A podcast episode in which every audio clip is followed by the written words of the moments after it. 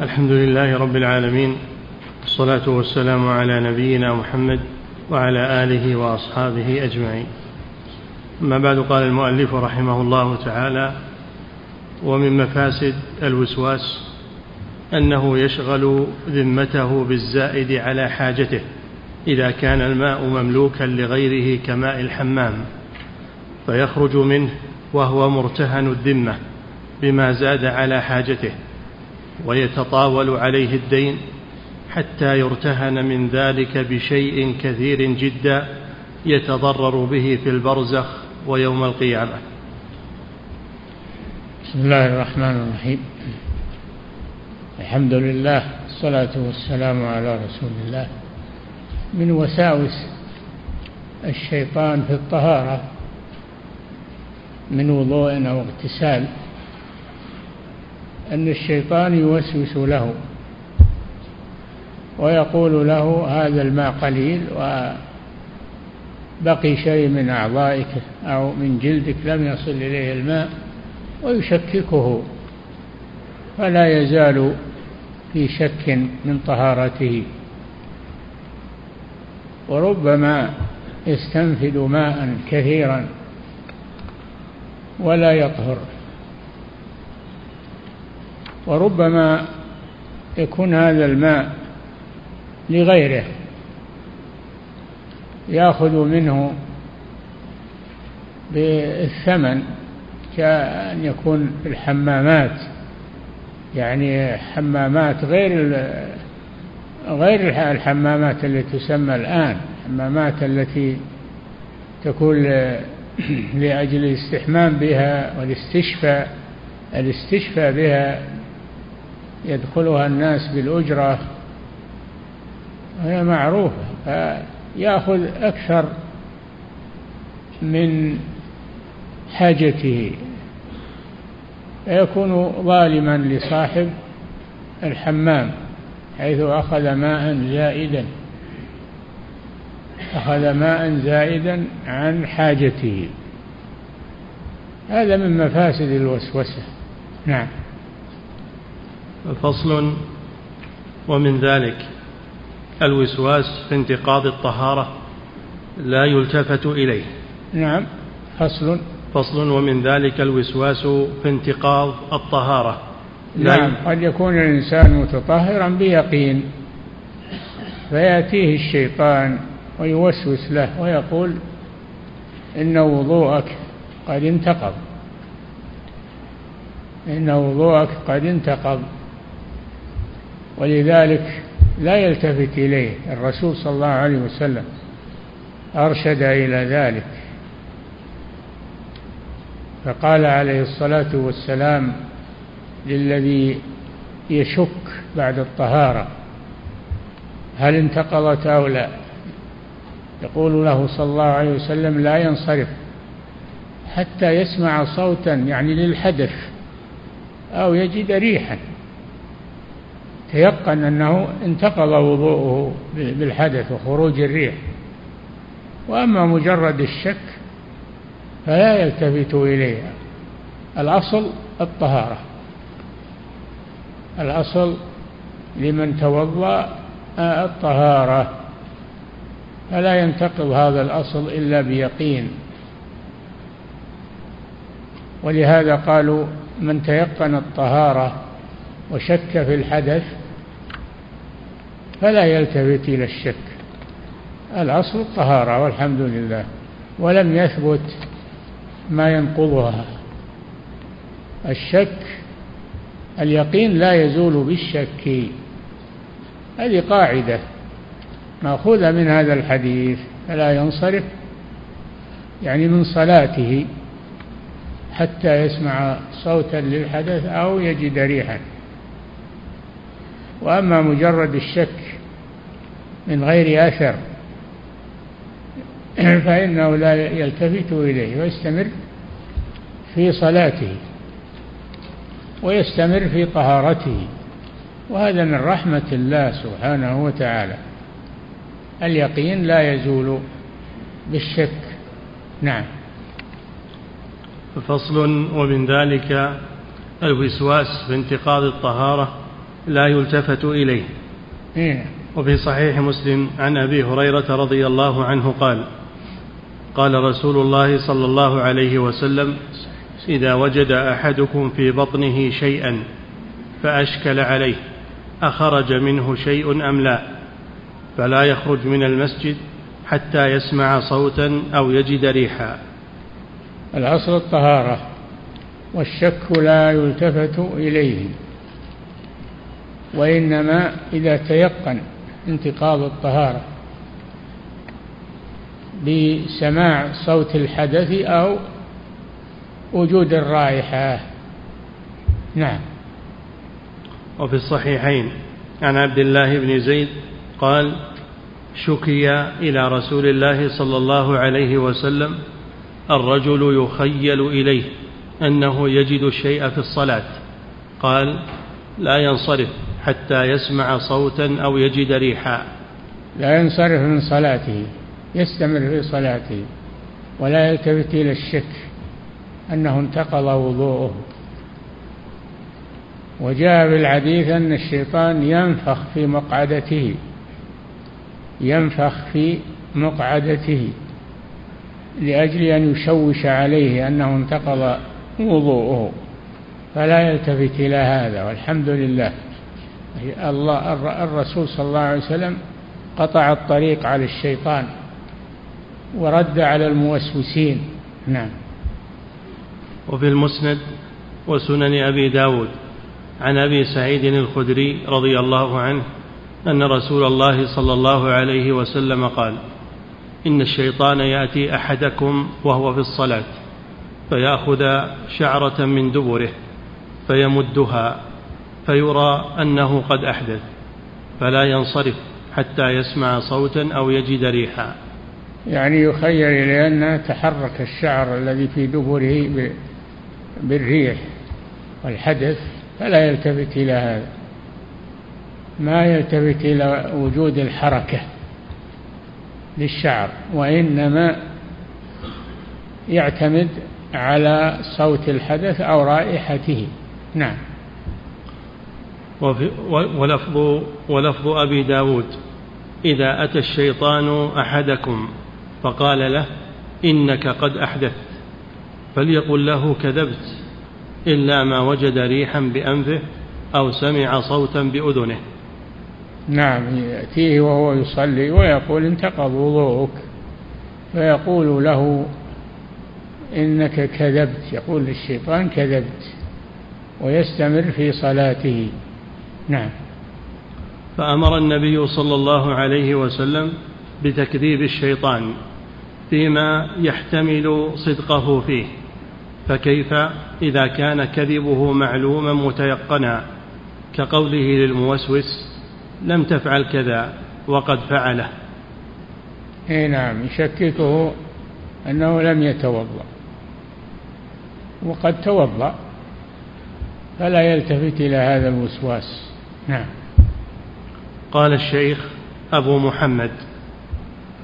أبو محمد هو ابن قدامة.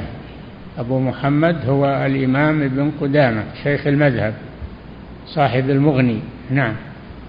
قال الشيخ أبو محمد ويستحب للإنسان أن ينضح فرجه وسراويله بالماء إذا بال. نعم لأجل إزالة الشك والوسواس. ينضح سراويله بالماء بحيث لا يخيل إليه البلل. يعلم أنه أن أن أن سراويله قد نضحها بالماء وأن هذا من الماء الطهور وليس من حدث حتى يقطع على الشيطان الطريق. نعم. قال الشيخ أبو محمد ويستحب للإنسان أن ينضح فرجه وسراويله بالماء إذا بال ليدفع عن نفسه الوسوسة. فمتى وجد بللا؟ قال هذا من الماء الذي نضحته. نعم. لما روى أبو داود بإسناده عن سفيان بن الحكم الثقفي أو الحكم بن سفيان قال كان النبي صلى الله عليه وسلم إذا بال توضأ وينتضح. وفي رواية رأيت رسول الله صلى الله عليه وسلم بال ثم نضح فرجه. نعم. وكان ابن عمر ينضح فرجه حتى يبل سراويله. ليقطع الشك. نعم. وشكى إلى الإمام أحمد بعض أصحابه أنه يجد البلل بعد الوضوء فأمره أن ينضح فرجه إذا بال قال ولا تجعل ذلك من هم ولا تجعل ذلك من همتك. واله عنه. نعم لا تلتفت إلى وسوسة الشيطان. فإذا نضح سراويله ترطبت بالماء فإنه يقول هذا من الماء وليس من الحدث. نعم. وسئل الحسن أو غيره عن مثل هذا فقال اله عنه. حسن البصري. حسن البصري إمام التابعين. يقول اله عن الوسواس ولا تلتفت إليه. نعم. وسئل الحسن أو غيره عن مثل هذا فقال اله عنه فأعاد عليه المسألة فقال أتستدره؟ لا أب لك اله عنه. نعم. فصل. ومن هذا وما يفعله كثير من من الموسوسين بعد البول. وهو عشرة أشياء. السلت والنتر. السلت سلت الذكر يعني. يسلت ذكره يقول أخاف بازي شيء من البول في القصبة. ما كلفك الله بهذا. إن خرج شيء توضأ وإما خرج شيء لا تلتفت للوسواس. هذا السلت نعم. والنتر. النتر نتر الذكر يعني نفض الذكر.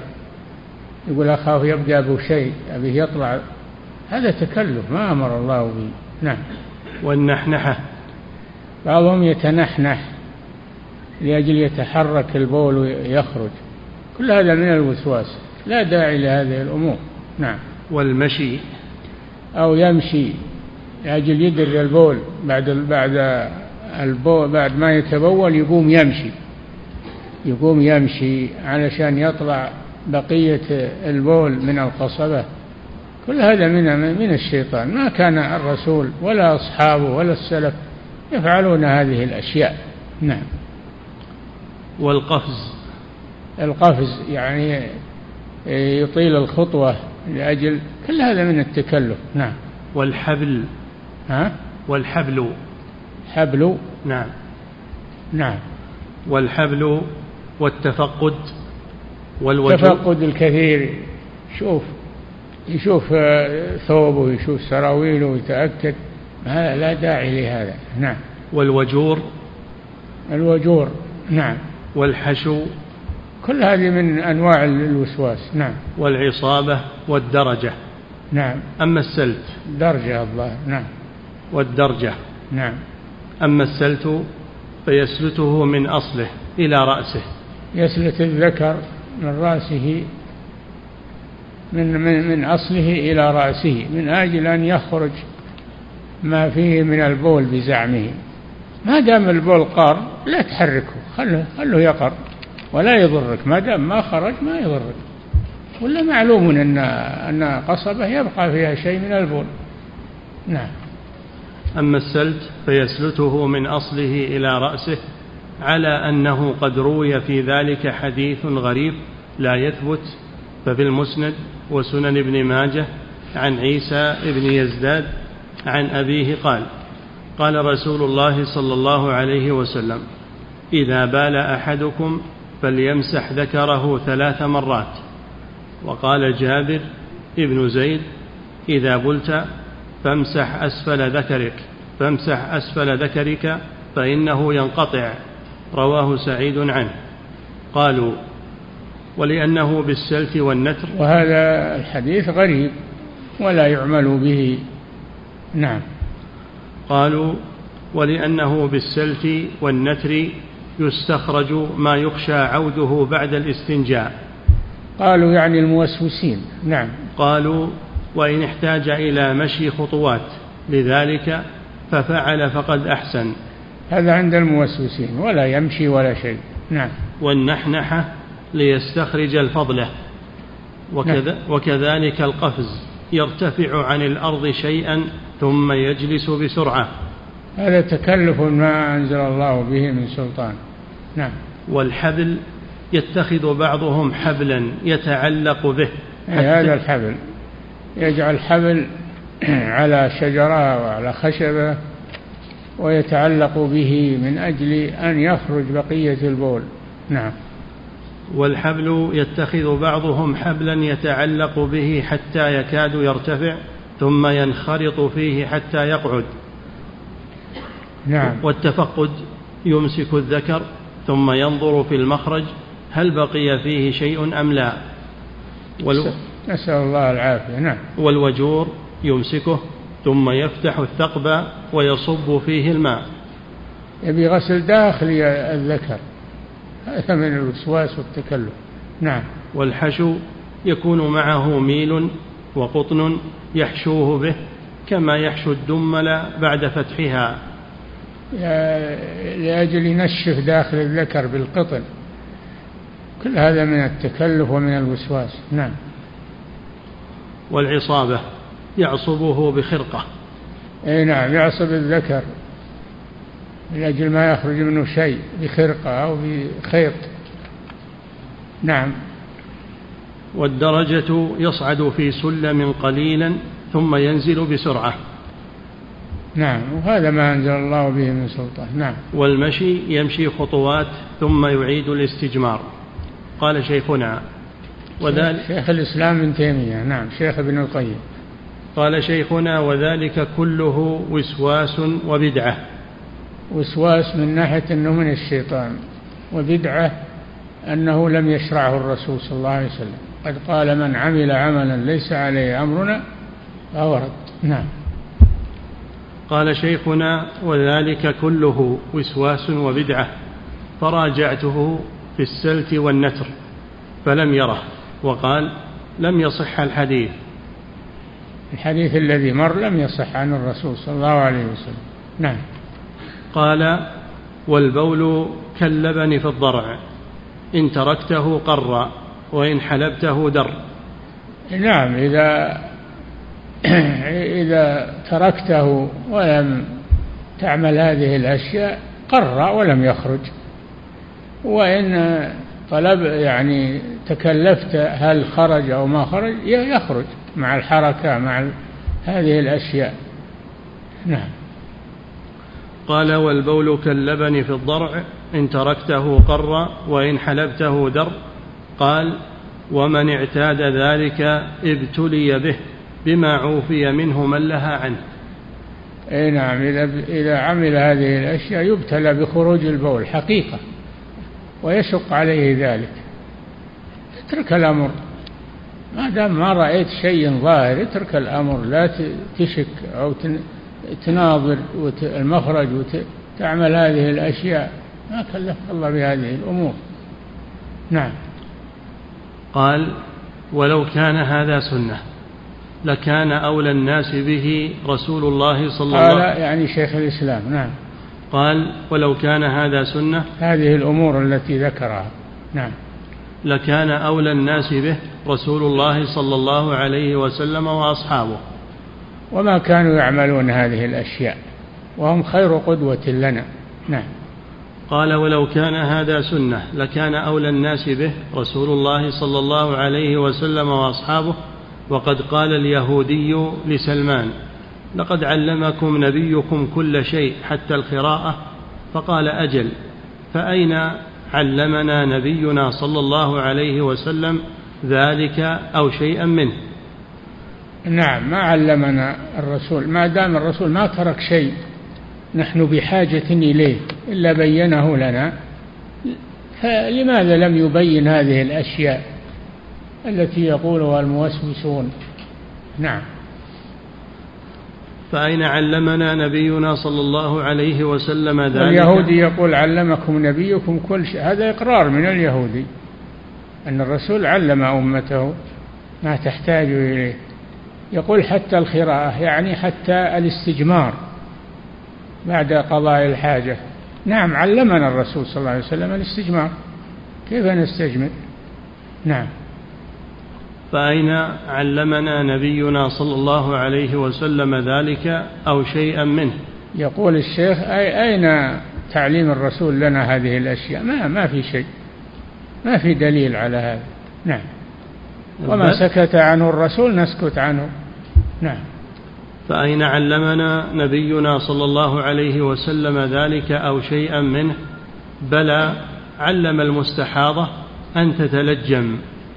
وعلى قياسها من به سلس البول أن يتحفظ ويشد عليه خرقة. نعم الرسول صلى الله عليه وسلم أمر المستحاضة التي يخرج منها الدم في غير وقته والاستحاضة نزيف نزيف من عرق أدنى الرحم.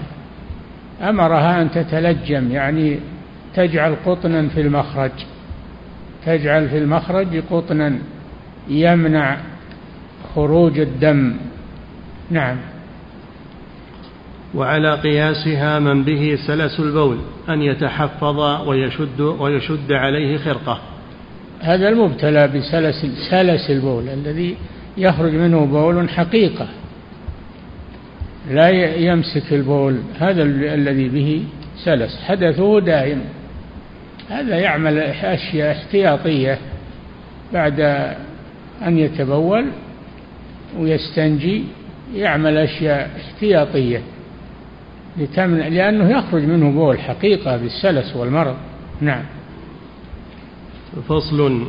ومن ذلك أشياء سهل فيها المبعوث بالحنيفية السمحة ومن ذلك أشياء سهل فيها المبعوث بالحنيفية السمحة. وهو رسول الله صلى الله عليه وسلم.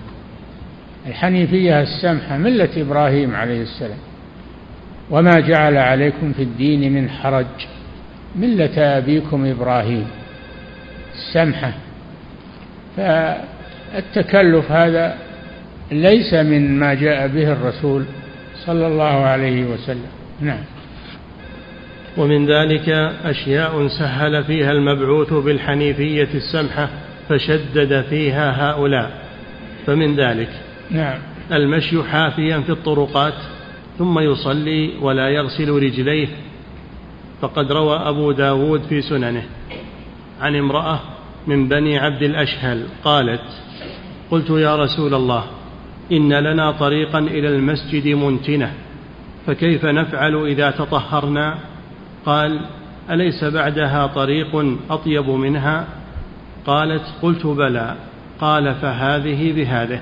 نعم إذا مررت بطريق فيه شيء من الملوثات فستمر بعد ذلك بطريق نزيه ليس فيه شيء. هذا يطهر هذا. الطريق ما هو كله ملوث. هكذا أرشد النبي صلى الله عليه وسلم. نعم. وقال عبد الله ابن مسعود رضي الله عنه كنا لا كنا لا نتوضأ من موطئ. نعم. وقال عبد الله بن مسعود رضي الله عنه كنا لا نتوضأ من موطئ. موطئ؟ نعم. إي نعم إذا يعني إذا وطئ على الأرض ما يقول الأرض نجسه أو رطبة أو ما أشبه ذلك. ما كان يعمل هذا الرسول صلى الله عليه وسلم مع أن الغالب أن الأراضي تكون فيها طين فيها آه، رطوبات فيها ما ما ما كلفنا الرسول صلى الله عليه وسلم بهذا. الشوارع الشوارع ما في شك أنها يكون فيها طين يكون فيها أشياء ما تدري عنها. ما كلفنا الرسول صلى الله عليه وسلم بالبحث في هذا. ولما مر عمر رضي الله عنه بسوق ومروا من تحت ميزاب هو ورجل معه نزل ماء من الميزاب فقال الرجل يا صاحب الميزاب ما هذا؟ قال عمر رضي الله عنه لا تجبه يا صاحب الميزاب لا تجبه. ما كلفنا الله بهذا. نسأل شلما اللي نزل من الميزاب هو طاهر ولا نجس؟ ما كلفنا الله بهذا. نعم. وعن علي رضي الله عنه أنه خاض في أنه خاض في طين المطر. ثم وعن علي رضي الله عنه أنه خاض في طين المطر. المطر نعم. ثم دخل المسجد فصلى ولم يغسل رجليه. نعم كذلك.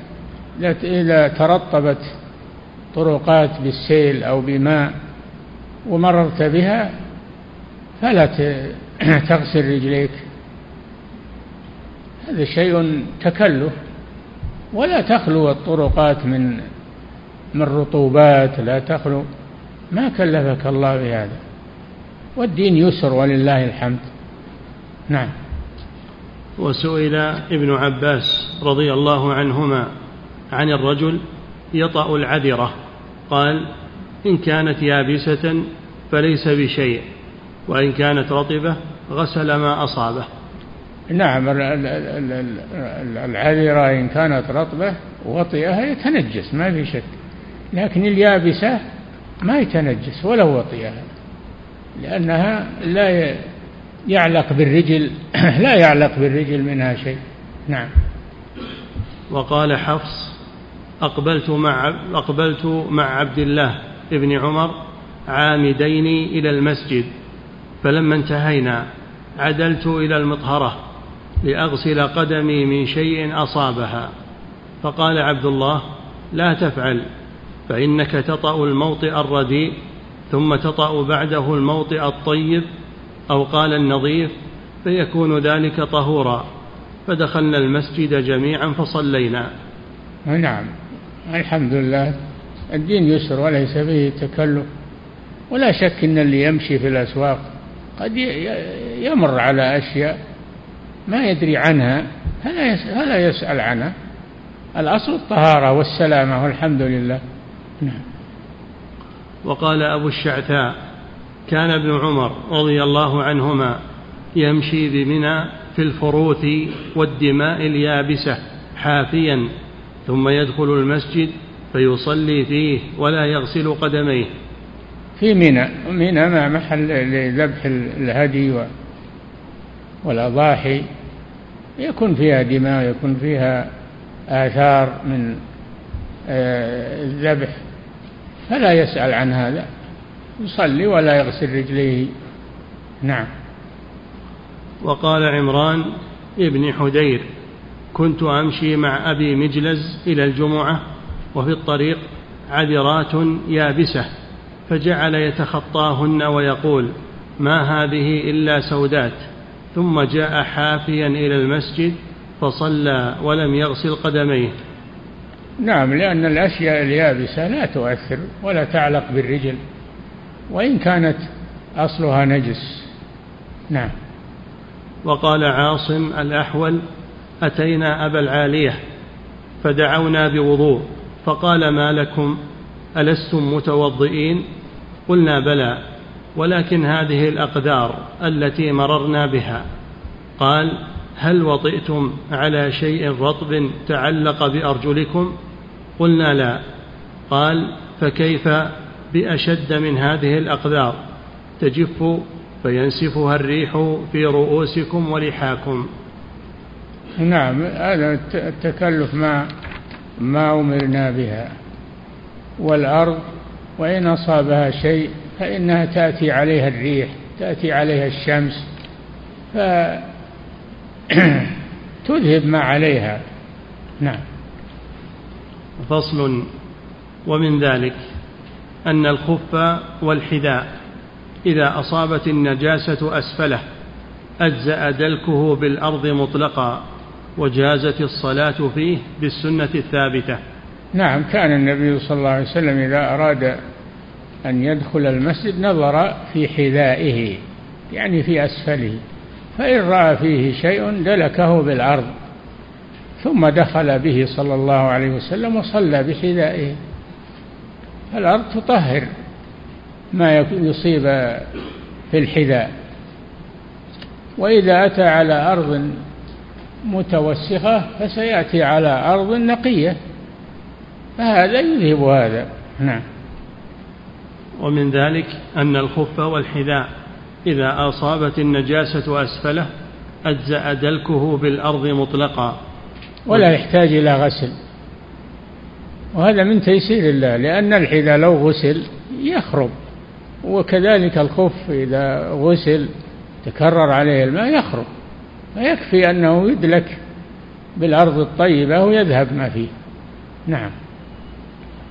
إذا أصابت النجاسة أسفله أجزأ دلكه بالأرض مطلقا وجازت الصلاة فيه بالسنة الثابتة.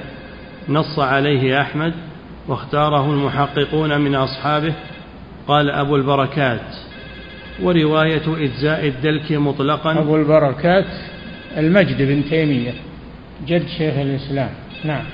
قال أبو البركات ورواية إجزاء الدلك مطلقا هي الصحيحة عندي. نعم. أن الدلك يكفي عن الغسل. يقول هذه الرواية عن أحمد هي الصحيحة عندي في المذهب. نعم. هي الصحيحة عندي لما روى أبو هريرة رضي الله عنه أن رسول الله صلى الله عليه وسلم قال إذا وطئ أحدكم بنعله الأذى فإن التراب له طهور. وفي نعم. لفظ إذا وطئ أحدكم الأذى بخفيه فطهورهما التراب رواهما أبو داود. نعم. وروى أبو سعيد الخدري أن رسول الله صلى الله عليه وسلم صلى فخلع نعليه فخلع الناس نعالهم. فلما انصرف قال لم خلعتم؟ قالوا يا رسول الله رأيناك خلعت فخلعنا. فقال إن جبريل أتاني فأخبرني أن بهما خبثا. فإذا جاء أحدكم المسجد فليقلب نعليه ثم لينظر. فإن رأى خبثا فليمسحه بالأرض ثم ليصلي فيهما. رواه الإمام أحمد. هذا من التيسير ولله الحمد. إذا رأى إذا رأى في خفيه شيئا يدركه بالأرض ويكفي هذا. ما يروح يغسله. هذا من التيسير على هذه الأمة. وإذا لم يرى شيئا فالأصل الطهارة. الحمد لله. نعم. وتأويل ذلك على ما يستقدر وتأويل ذلك على ما يستقدر من مخاط أو نحوه من الطاهرات. لا يصح لوجوه أحدها. يعني اللي يقول الرسول يمسح الخف إذا أصابه شيء طاهر مثل النخامة مثل الشيء الطاهر. هذا تأويل. لا الحديث يقصد إذا أصابه نجاسة فمسحه بالأرض يطهره. نعم. وتأويل ذلك على ما يستقدر من مخاط أو نحوه من الطاهرات لا يصح لوجوه أحدها أن ذلك لا يسمى خبثا. نعم. الثاني أن ذلك لا يؤمر بمسحه عند الصلاة فإنه لا يبطلها. نعم لأنه ليس بنجاسة. نعم. الثالث أنه لا يخلع النعل لذلك في الصلاة فإنه عمل لغير حاجة فأقل أحواله الكراهة. وكون الرسول صلى الله عليه وسلم أخبره جبريل أن في في أسفل خفه نجاسة وهو يصلي خلعه أثناء الصلاة. هذا فيه دليل على أن الإنسان إذا كان يصلي في ثوب فيه نجاسة ولكن نسيها ولم يغسلها وفطن في أثناء الصلاة أنه يخلع الثوب الذي فيه النجاسة ويصلي بالثوب الطاهر ويستمر في صلاته. نعم. الرابع أن الدار قطني روى في سننه في حديث الخلع من رواية ابن عباس رضي الله عنهما أن النبي صلى الله عليه وسلم قال إن جبريل أتاني فأخبرني أن فيهما دم حلمة والحلم كبار القراد. نعم. ولأنه يعني أن الرسول خلع خفه في أثناء الصلاة. أن جبريل عليه السلام جاءه وأخبره أن في أسفله دم فخلعه في أثناء الصلاة. فهذا دليل على أن المصلي إذا خلع ما فيه النجاسة واستمر في صلاته فصلاته صحيحة. نعم. ولأنه محل يتكرر ملاقاته النجاسة غالبا. يعني الخوف. نعم. فأجزأ مسحه بالجامد كمحل الاستجمار. نعم. كمحل الاستجمار بل هو أولى. فإن محل الاستجمار يلاقي النجاسة في اليوم مرتين أو ثلاثا كما أن الاستجمار يطهر المخرج. بعدما يفرغ من حاجته يستجمر ويكفي هذا. لا يحتاج إلى غسل واستنجاء. فكذلك مسح الخف يكفي ويطهر بذلك. نعم. فصل. وكذلك ذيل المرأة على الصحيح. نعم ذيل المرأة. المرأة أمرت أن ترخي من ثوبها ما يستر عقبيها قدر آه، ذراع ولا يعد هذا من الإسبال لأن هذا يقصد به ستر عقبي المرأة. ولا شك أن ذيلها يمر على أرض مختلفة قد يمر على نجاسة ثم يمر على طهارة فتكون الطهارة مزيلة لما مرت عليه من النجاسة وهذا من تيسير الله سبحانه وتعالى. كذلك الذي يمشي لو وطئ نجاسة فستزيلها الأرض الطاهرة التي يطأ عليها. نعم. فصل وكذلك ذيل المرأة على الصحيح. وقالت امرأة لأم سلمة رضي الله عنها إني أطيل ذيلي وأمشي في المكان القدر. فقالت قال رسول الله صلى الله عليه وسلم يطهره ما بعده. رواه أحمد وأبو داود. يطهره ما بعده من الأرض الطاهرة إذا مرت عليها. نعم. وقد رخص النبي صلى الله عليه وسلم للمرأة أن ترخي ذيلها ذراعا ومعلوم أنه يصيب القدر. نعم. ولم يأمرها بغسل ذلك. بل أفتاهن بأنه تطهره الأرض. نعم لأنه معلوم أن ذيل المرأة يمر على الأرض قد يصادف نجاسة ولكنه بعد النجاسة يصادف أرضا طاهرة والطاهر يزيل النجس والحمد لله. نعم. فصل. ومما لا تطيب به قلوب الموسوسين الصلاة في النعال. الصلاة في النعال. السنة أن يصلي في نعليه أن يصلي في نعليه لأن الرسول صلى الله عليه وسلم كان يصلي في نعليه ولكن في وقتنا الحاضر كما تعلمون أن المساجد تغير وضعها عن ذي قبل. من قبل كانت المساجد ترابية كانت المساجد ترابية ما عليها فرش ولا عليها شيء. فلا يضرها إذا وطئ بالنعل وصلى بالنعل ما يضرها ذلك. لكن الآن المساجد المفروشة لو سمح للناس يدخلون بنعالهم ويصلون فيها لتوسخت. فتغير الوضع الآن وكل حالة لها حكمها. نعم. فصل. ربما يقول واحد أنا بقتدي بالرسول بدخل بنعالي وصلي بنعالي. وفيها ما فيها من الأوساخ نقول لا تغير وضع المساجد الآن. أصبحت مبلطة أصبحت مفروشة يؤثر فيها. لو سمح للناس يدخلون بنعالهم توسخت المساجد. نعم. فصل ومما لا تطيب به قلوب الموسوسين الصلاة في النعال وهي سنة رسول الله صلى الله عليه وسلم وأصحابه فعلا منه وأمرا. فروى نعم. أنس. فروى أنس بن مالك رضي الله عنه. كان يصلي في نعاله وأمر الصحابة أن يصلوا في نعالهم. نعم. فعلا منه وأمرا. فروى أنس بن مالك رضي الله عنه أن النبي صلى الله عليه وسلم كان يصلي في نعليه. متفق عليه. نعم. وعن شداد بن أوس رضي الله عنه قال قال رسول الله صلى الله عليه وسلم خالفوا اليهود فإنهم لا يصلون في خفافهم ولا نعالهم. رواه أبو داود. نعم اليهود يأخذون هذا من قوله تعالى لموسى فاخلع عليك إنك بالوادي المقدس طوى. فيخلعون نعالهم. المسلمون أمروا بمخالفتهم أن يصلوا في نعالهم. ولكن كما ذكرت لكم هذا يوم كانت المساجد ترابية لا يؤثر فيها النعال والخفاف.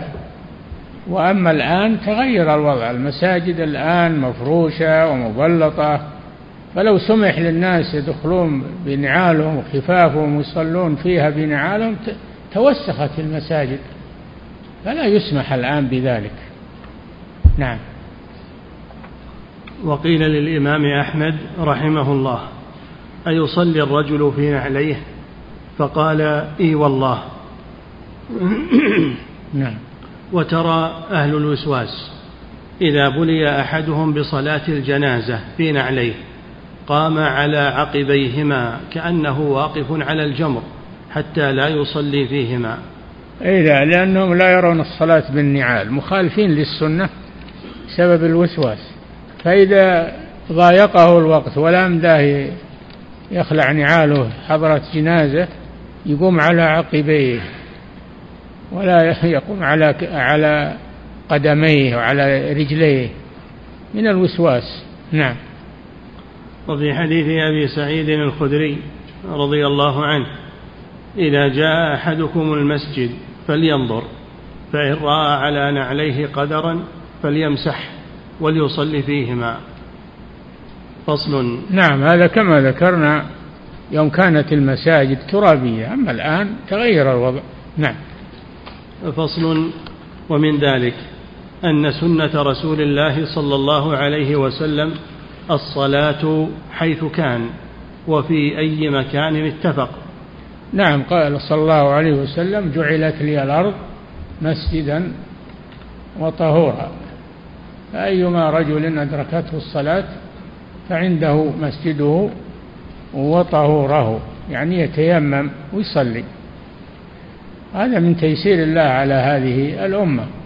كانت اليهود والنصارى لا يصلون إلا في كنائسهم ولا تصح صلاتهم إلا في كنائسهم. أما هذه الأمة فأباح الله لها الصلاة في كل أرض طاهرة. نعم. فصل ومن ذلك أن سنة رسول الله صلى الله عليه وسلم الصلاة حيث كان وفي أي مكان اتفق سوى ما نهى عنه من المقبرة والحمام وأعطان الإبل. نعم المواضع التي نهى الرسول صلى الله عليه وسلم عن الصلاة في المقبرة والحمام الذي يغتسل فيه الناس وأعطان الإبل وقارعة الطريق. هذه لا يصلى سبعة مواضع لا يصلى فيها. وما عداها من الأرض فيصلي حيث ما تيسر له ذلك. نعم. فصح عنه صلى الله عليه وسلم أنه قال جعلت لي الأرض مسجدا وطهورا فحيثما أدركت رجلا من أمة الصلاة فليصل. وكان يصلي في مرابض الغنم. نعم مرابض الغنم ليست مثل أعطان الإبل. لا بأس يصلى في مرابض الغنم. وأما أعطان الإبل فنهى النبي صلى الله عليه وسلم عن الصلاة فيها. نعم. وكان يصلي هي من المواضع المنهي عن الصلاة فيها. أعطان الإبل وهي الأمكنة التي تأوي إليها الإبل تتردد عليها. نعم. وكان يصلي في مرابض الغنم وأمر بذلك ولم يشترط حائلا. قال ابن المنذر. يعني لم يشترط حائلا يعني أن يفرشها حائلا دونها أن يفرشها مع يعني آه، مبارك الغنم ومرابض الغنم. ما لم يشترط أنها تفرش صلي فيها بدون فراش. نعم. قال ابن المنذر. أجمع. كل من يحفظ عنه من أهل العلم على إباحة الصلاة في مرابض الغنم إلا الشافعي فإنه قال أكره ذلك إلا إذا كان سليما من أبعارها. لكن سنة الرسول صلى الله عليه وسلم هي الواجب اتباعها. أما أقوال المجتهدين فقد تكون صوابا وقد تكون خطأ نعم. وقال أبو هريرة رضي الله عنه قال رسول الله صلى الله عليه وسلم صلوا في مرابض الغنم ولا تصلوا في أعطان الإبل. رواه الترمذي وقال حديث صحيح. نعم. وروى الإمام أحمد من حديث عقبة بن عامر قال قال رسول الله صلى الله عليه وسلم صلوا في مرابض الغنم ولا تصلوا في أعطان الإبل أو مبارك الإبل.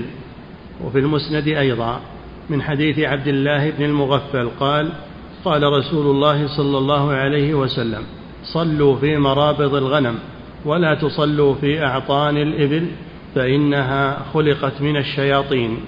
الإبل يعني الإبل فيها شيطنة ولذلك رعاة الإبل يختلفون عن رعاة الغنم. رعاة الغنم عليهم سكينة طمأنينة وهدوء. ورعاة الإبل غير ذلك يكون عليهم شدة ويكون فيهم قسوة ويكون فيهم. نعم. وفي الباب عن جابر بن سمرة والبراء. وما, وما من نبي إلا رعى الغنم لأن الغنم فيها سكينة وفيها خير وفيها نعم. وفي الباب عن جابر بن سمرة والبراء بن عازب وأسيد بن حضير وذي الغرة كلهم رووا عن النبي صلى الله عليه وسلم صلوا في مرابض الغنم. وفي بعض ألفاظ الحديث صلوا في مرابض الغنم فإن فيها بركة. نعم. وقال الأرض كلها مسجد إلا المقبرة والحمام. نعم الأرض كلها مسجد. قال صلى الله عليه وسلم جعلت لي الأرض مسجدا وطهورا وتصلي أينما صادفتك الصلاة إذا كنت مسافرا أو خارج البلد. إلا المواطن التي نهى الرسول صلى الله عليه وسلم عنها منها معاطن الإبل منها قارعة الطريق ومنها فوق سطح الكعبة أو في داخل الكعبة الفريضة ما تصلى داخل الكعبة. نعم. وقال الأرض كلها مسجد إلا المقبرة والحمام. رواه المقبرة لأن المقبرة منهي عن الصلاة عند القبور لأن هذا يجر إلى العقيدة الفاسدة والاعتقاد في القبور. نعم. الأرض كلها مسجد إلا المقبرة والحمام رواه أهل السنن كلهم. الحمام المراد به المحل الاغتسال والتنظف. وأما الحشوش والتي تسمى حمامات الآن وفيها قضاء الحاجة هذه ليست حمامات. هذه حشوش. نعم. رواه أهل السنن كلهم إلا النسائي. فأين هذا الهدي من فعل رواه. رواه أهل السنن كلهم. نعم يعني السنن الأربع. سنن أبي داود والترمذي والنسائي وابن ماجه. هذه السنن الأربع. نعم. رواه أهل السنن كلهم إلا النسائي. من أصحاب السنن نعم. فأين هذا الهدي من فعل من لا يصلي إلا على سجادة؟ تفرش فوق البساط فوق الحصير ويوضع عليها المنديل ولا يمشي على الحصير ولا على البساط بل يمشي عليها قفزا كالعصفور. هذا الموسوس نعم. فما أحق فما أحق هؤلاء بقول ابن مسعود رضي الله عنه لأنتم أهدى من أصحاب محمد أو أنتم على شعبة ضلالة. نعم لما كان قوم يجمعون حصى في المسجد ويجيهم واحد يقول سبحوا مئة, مئة مرة هل ويعدون بالحصى؟ جاءهم ابن مسعود وأنكر عليهم. قال هل أنتم أهدى من رسول الله صلى الله عليه وسلم؟ أو أنتم محدثون محدثو ضلالة؟ فزجرهم عن هذا لأن هذا الشيء لم يفعله الرسول صلى الله عليه وسلم. يحضرون حصى ويعدون التسبيح والتهليل. سبح بدون حصى وبدون. نعم. وقد صلى النبي صلى الله عليه وسلم على حصير قد اسود من طول ما لبس. يعني استعمل من طول ما لبس يعني من طول ما استعمل. صلى عليه الرسول صلى الله عليه وسلم وقد اسود. الرسول يصلي على كل طاهر كيفما اتفق؟ على أرض على فراش على حصير. ما يتكلف أنه لازم سجادة معينة للصلاة سجاده وسبحه وما هذا عند الصوفية. نعم. وقد صلى النبي صلى الله عليه وسلم على حصير قد اسود من طول ما لبس فنضح له بالماء وصلى عليه ولم يفرش له فوقه سجادة ولا منديل نعم. وكان صلى الله عليه وسلم. بل كان صلى الله عليه وسلم يسجد على الأرض. يسجد على الأرض وتارة يسجد على الماء والطين إذا نزل مطر.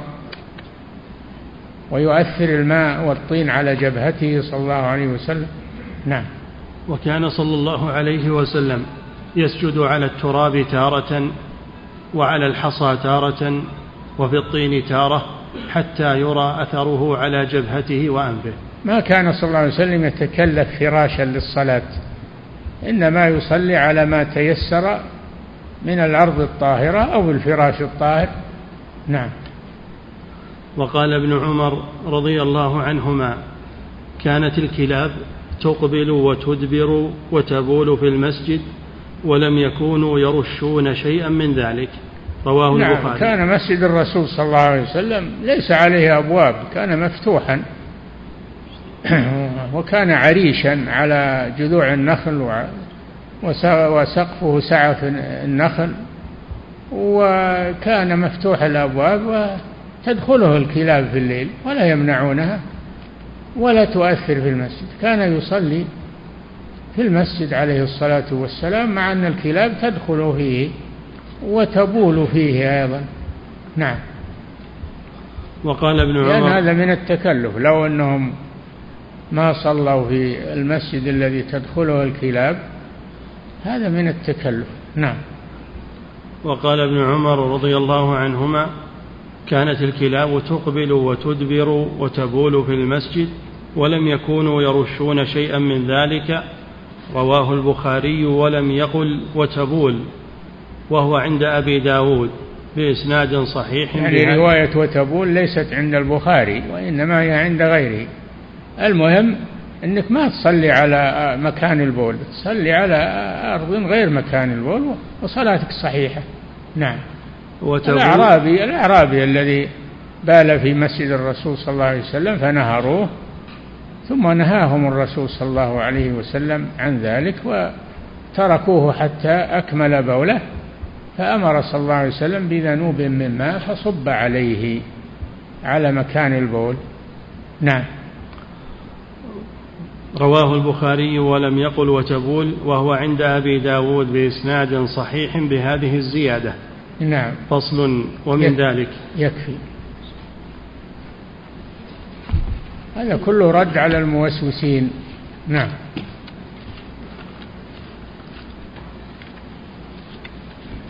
فضيلة الشيخ وفقكم الله. يقول الغازات التي تكون في البطن ويسمع صوتها ولكن لا يشعر الإنسان بأنه قد خرج منه شيء.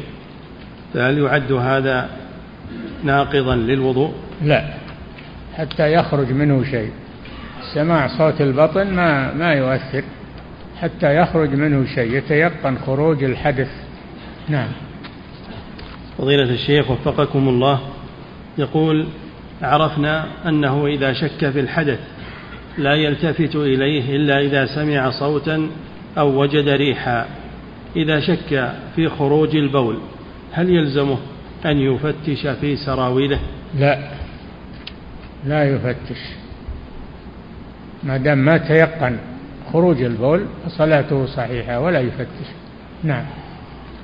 فضيلة الشيخ وفقكم الله هذا سائل يقول إن لديه خراجا في مقعدته ويخرج منه قيح وصديد فهل ينقض الوضوء خروج هذا القيح والصديد؟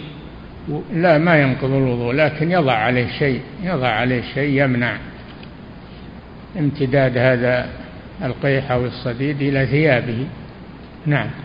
وكذلك حفظك الله يقول وإذا أصاب هذا القيح أو الصديد أصاب السراويل فهل يكون نجسا؟ يجب نعم غسله؟ نعم. إذا رأى أثره على الثوب أو السراويل يكون نجسا يغسله. الحمد لله. نعم. فضيلة الشيخ وفقكم الله هذا سائل يقول إن أخاه الشقيق قد أصابه كل قد أصابه كل ما ذكر في درس اليوم وهو يعرف علاج الوسوسة لكن يقول يصعب علي ألا ألتفت إلى ذلك فبماذا ننصحه؟ ننصحه بأن يترك الوسواس لأنه يزيد عليه إذا تفاعل مع الوسواس زاد عليه. وحيره فعليه أن يترك هذه الأمور. والدين يسر وسمح ولله الحمد. نعم. فضيلة الشيخ وفقكم الله يقول ما الطريقة الشرعية في التنزه من البول ولا يكون فيها شيئا من الوسواس؟ ما أرشد إليه النبي صلى الله عليه وسلم أن يستجمر بثلاثة أحجار وينشف المخرج أو يستنجي بالماء. يجزيه الاستجمار أو الاستنجاء. وإن جمع بينهما فهو أفضل. نعم. فضيلة الشيخ وفقكم الله يقول السائل في بلادنا إذا أمطرت السماء مطرا شديدا فإن البالوعات أكرمكم الله تفيض بما فيها ومعلوم أنها تحوي نجاسات الحمامات. إذا مس الإنسان أو إذا مس الإنسان شيء منها فهل يجب عليه أن يغسل قدميه؟ لا. ما يغسل قدميه. نعم. فضيلة الشيخ وفقكم. الغالب أن الشوارع ما تخلو من أشياء قذرة ونجسة لكن ما كلفنا الله بغسل الرجلين إذا مررنا بها. نعم.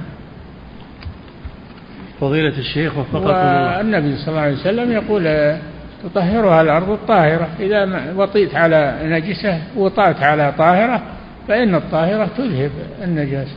نعم. الدين يسر ولله الحمد. نعم.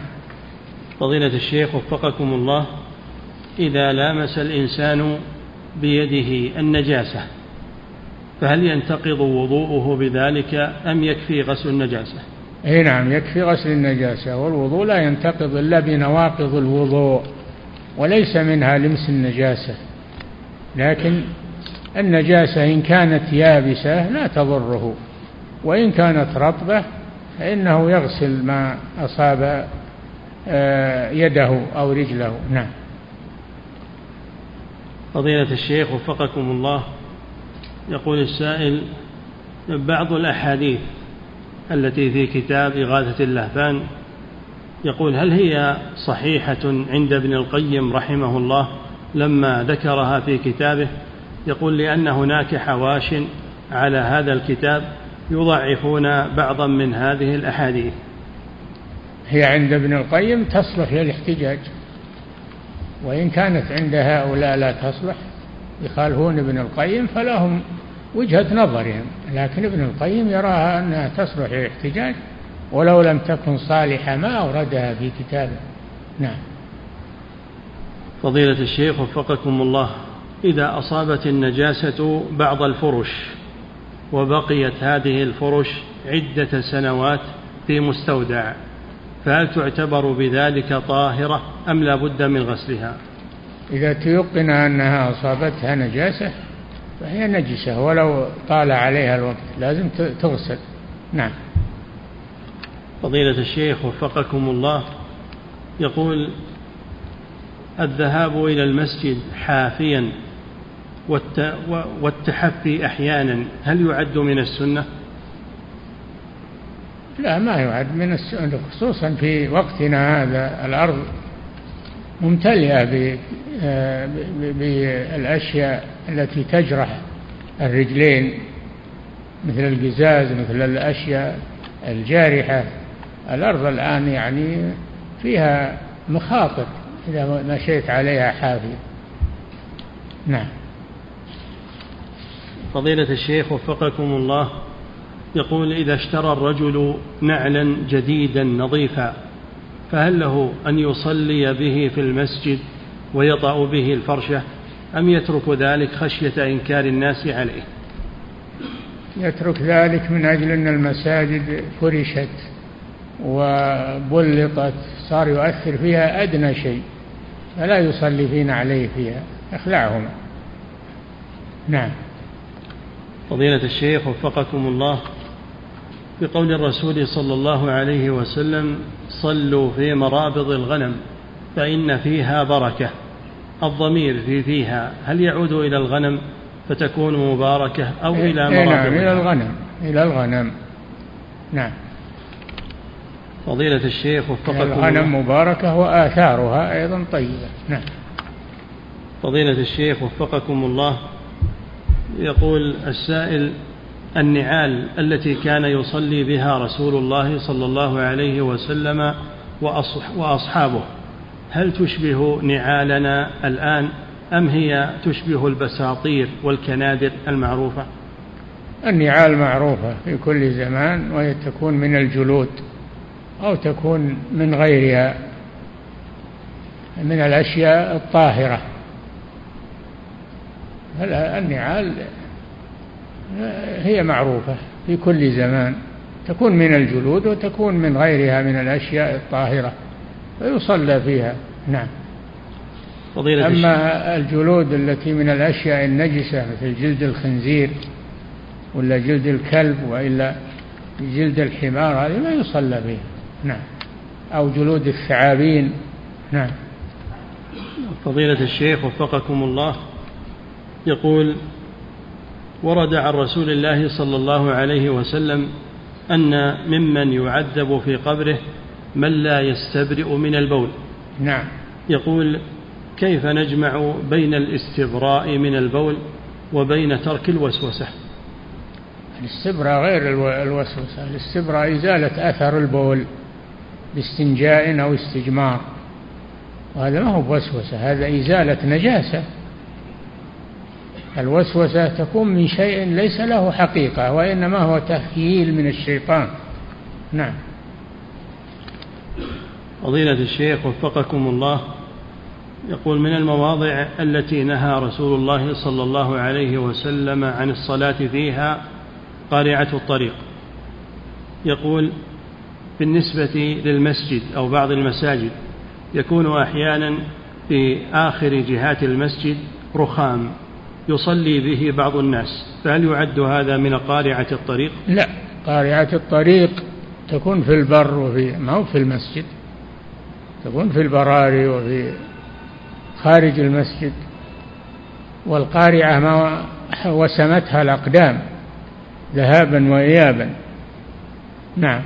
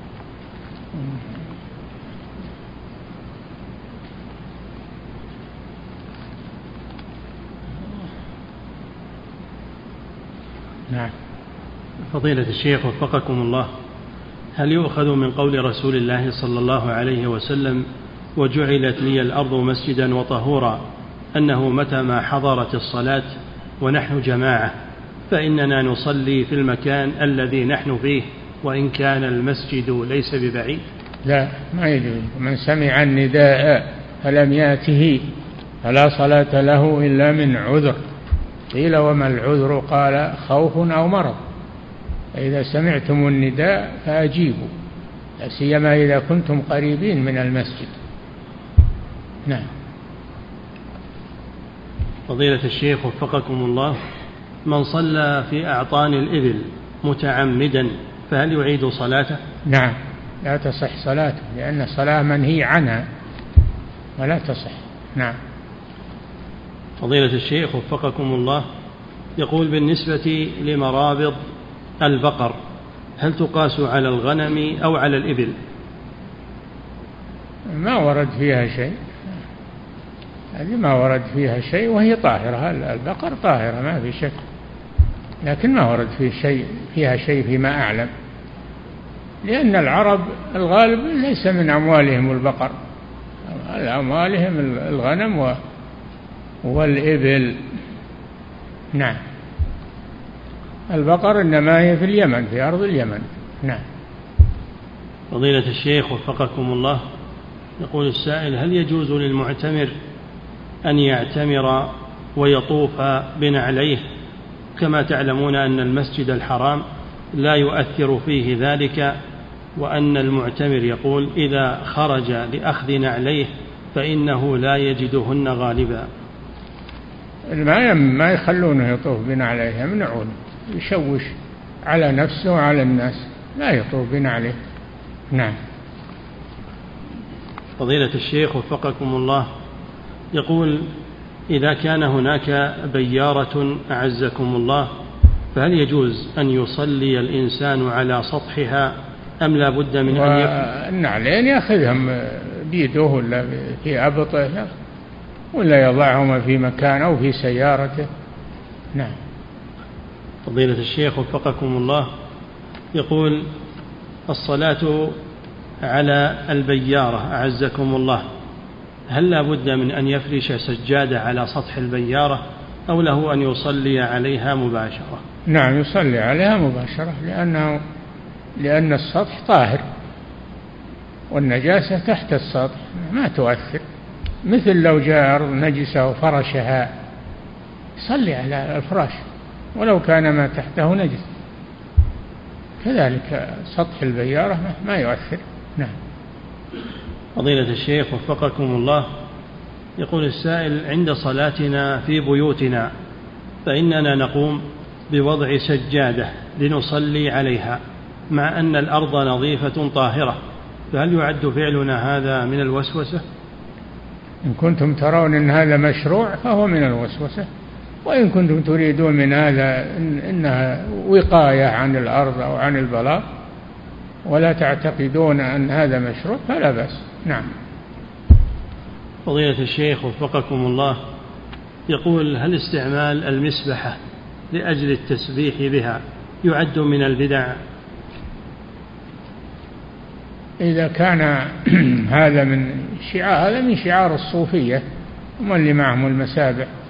وأنت أصابعك تكفي. الأصابع تكفي لعقد التسبيح ولله الحمد. نعم. ثم يقول حفظك الله وهل يجوز لي إذا حججت أو اعتمرت أن أشتري مسابح كهدية للأهل والأقرباء؟ لا لا تشتري مسابح. لأن هذه من شعار الصوفية ومن اللي يعتقدون فيها فضيلة واشتر غير المسابح من أنواع الأشياء المفيدة. نعم. فضيلة الشيخ وفقكم الله في قول الرسول صلى الله عليه وسلم ولا تصلوا في أعطان الإبل فإنها خلقت من الشياطين. يقول هل المقصود بذلك أنها خلقت من الشياطين حقيقة. يعني طبيعتها طبيعة الإبل طبيعة الإبل الغلظة و والسرعة في المشي وغير ذلك. فهي تشبه طبيعة الشياطين خلاف الغنم عليها الهدوء والسكينة. نعم. فضيلة الشيخ وفقكم الله يقول رجل من أهل الرياض يريد الحج معتمرا يريد الحج متمتعا فاعتمر في شهر ذي القعدة ثم رجع إلى الرياض وسيرجع إن شاء الله إلى مكة في اليوم السابع من ذي الحجة. يقول هل يعتبر متمتعا بهذا أم يلزمه أن يحرم من الميقات بعمرة؟ لا يعتبر متمتعا إذا سافر بين الحج والعمرة إلى بلده ثم رجع للحج هذا لا يسمى متمتعا لأنه فصل بينهما بسفر إلى بلده. فإن أحرم بعمرة ثانية عند الدخول يكون متمتعا. نعم. فضيلة الشيخ وفقكم الله. يقول السائل أختي تحب أن تدرس الطب لكن يقول في بلدنا الجامعات فيها اختلاط كلها وهي تريد أن تتخصص في تطبيب النساء من أجل مساعدة بنات جنسها. سؤاله هل يجوز لأختي أن تدرس في الكلية التي فيها اختلاط؟ إذا كان اختلاط الطالب إلى جانب الطالبة وتجلس معه لا يجوز هذا. أما إذا كانت الطالبات لهن مكان خاص والطلاب لهم مكان خاص ولا يختلطون فلا بأس بذلك. نعم. فضيلة الشيخ وفقكم الله يقول السائل هل يجوز تكرار العم تكرار العمرة لوالدي الذي قد توفاه الله؟ نعم. يجوز أنك تهدي لوالدك الحج أو العمره وإذا كررت فهذا أفضل. نعم. فضيلة الشيخ وفقكم الله. يقول السائل هل يجوز للنساء أن يصبغن حواجبهن من غير نتف شيء منها؟ لا يجوز. لا يجوز صبغ الحواجب وإنما تبقى الحواجب على خلقتها التي خلقها الله سبحانه وتعالى ولا يغير فيها شيء لا بنتف ولا بقص ولا بصبغ ولا غير ذلك. نعم. فضيلة الشيخ وفقكم الله هذا سائل من خارج هذه البلاد يقول لأن, لأن صبغ الحواجب يدخل في تغيير خلق الله. نعم.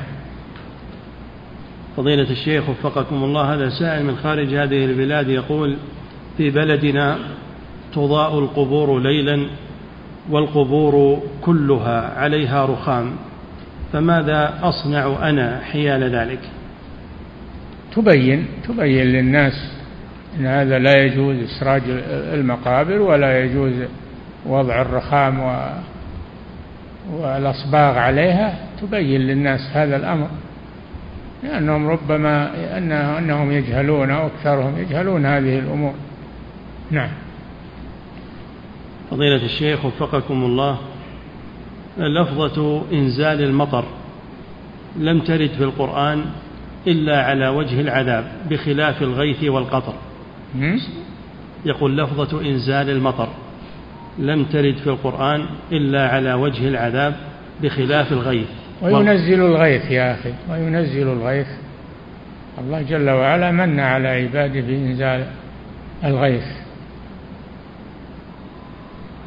الله جل وعلا يقول إن الله عنده علم الساعة وينزل الغيث ويعلم ما في الأرحام.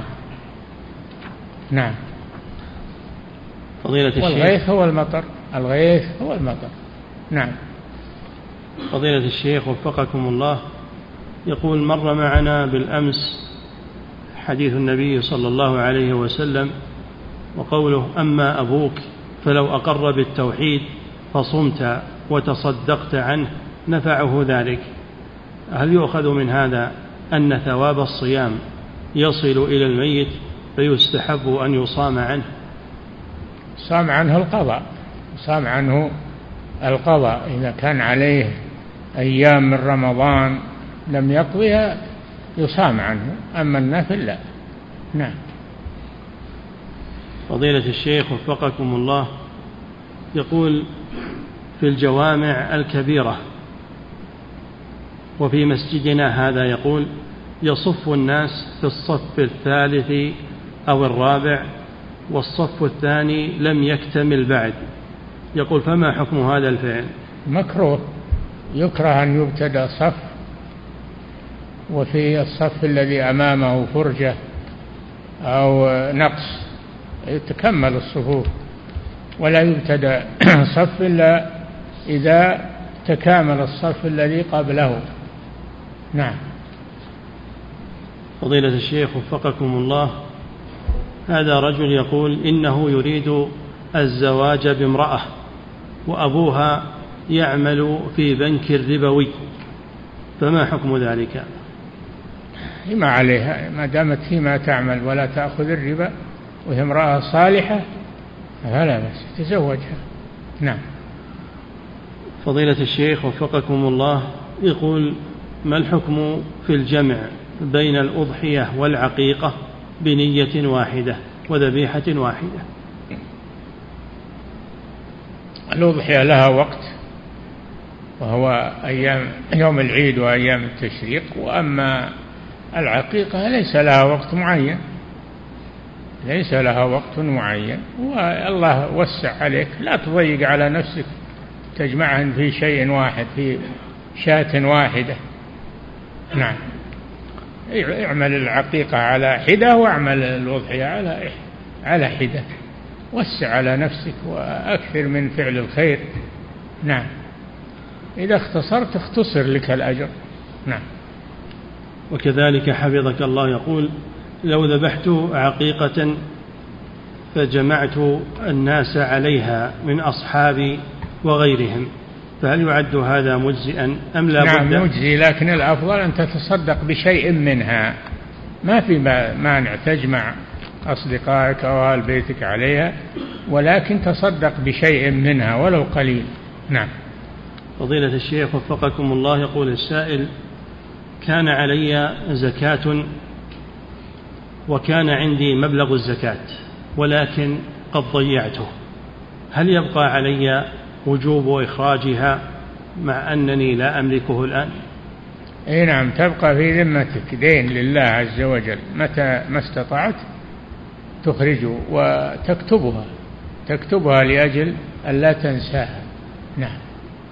فضيلة الشيخ وفقكم الله يقول السائل يقول إن زوجته محجبة ولا تضع نقابا ولا تستر وجهها. يقول حاولت معها كثيرا لكنها لم يقول تغطي الوجه. هل كيف, كيف محجبة ولا تغطي وجهها؟ هذه ناقص حجابها ناقص. هي نعم حجبت بدنها وجسمها لكن لم تحجب وجهها فحجابها ناقص. نعم. ثم حفظك الله يقول حاولت معها لكنها لم تغطي وجهها فهل يجب علي أن أطلقها أم أحاول معها مرات؟ إذا كانت تصر على ترك تغطية وجهها فطلقها وأما إذا كان يرجى أنها تقبل تحجب وجهها مع سائر بدنها فحاول معها لعل الله أن يهدي نعم. فضيلة الشيخ وفقكم الله. يقول السائل هل يجوز الحج لمن عليه دين علما بأن الدائن هو أمي وقد سمحت لي أن أدفع لها بعد عودتي؟ إذا سمح صاحب الدين فلا بأس بذلك. نعم.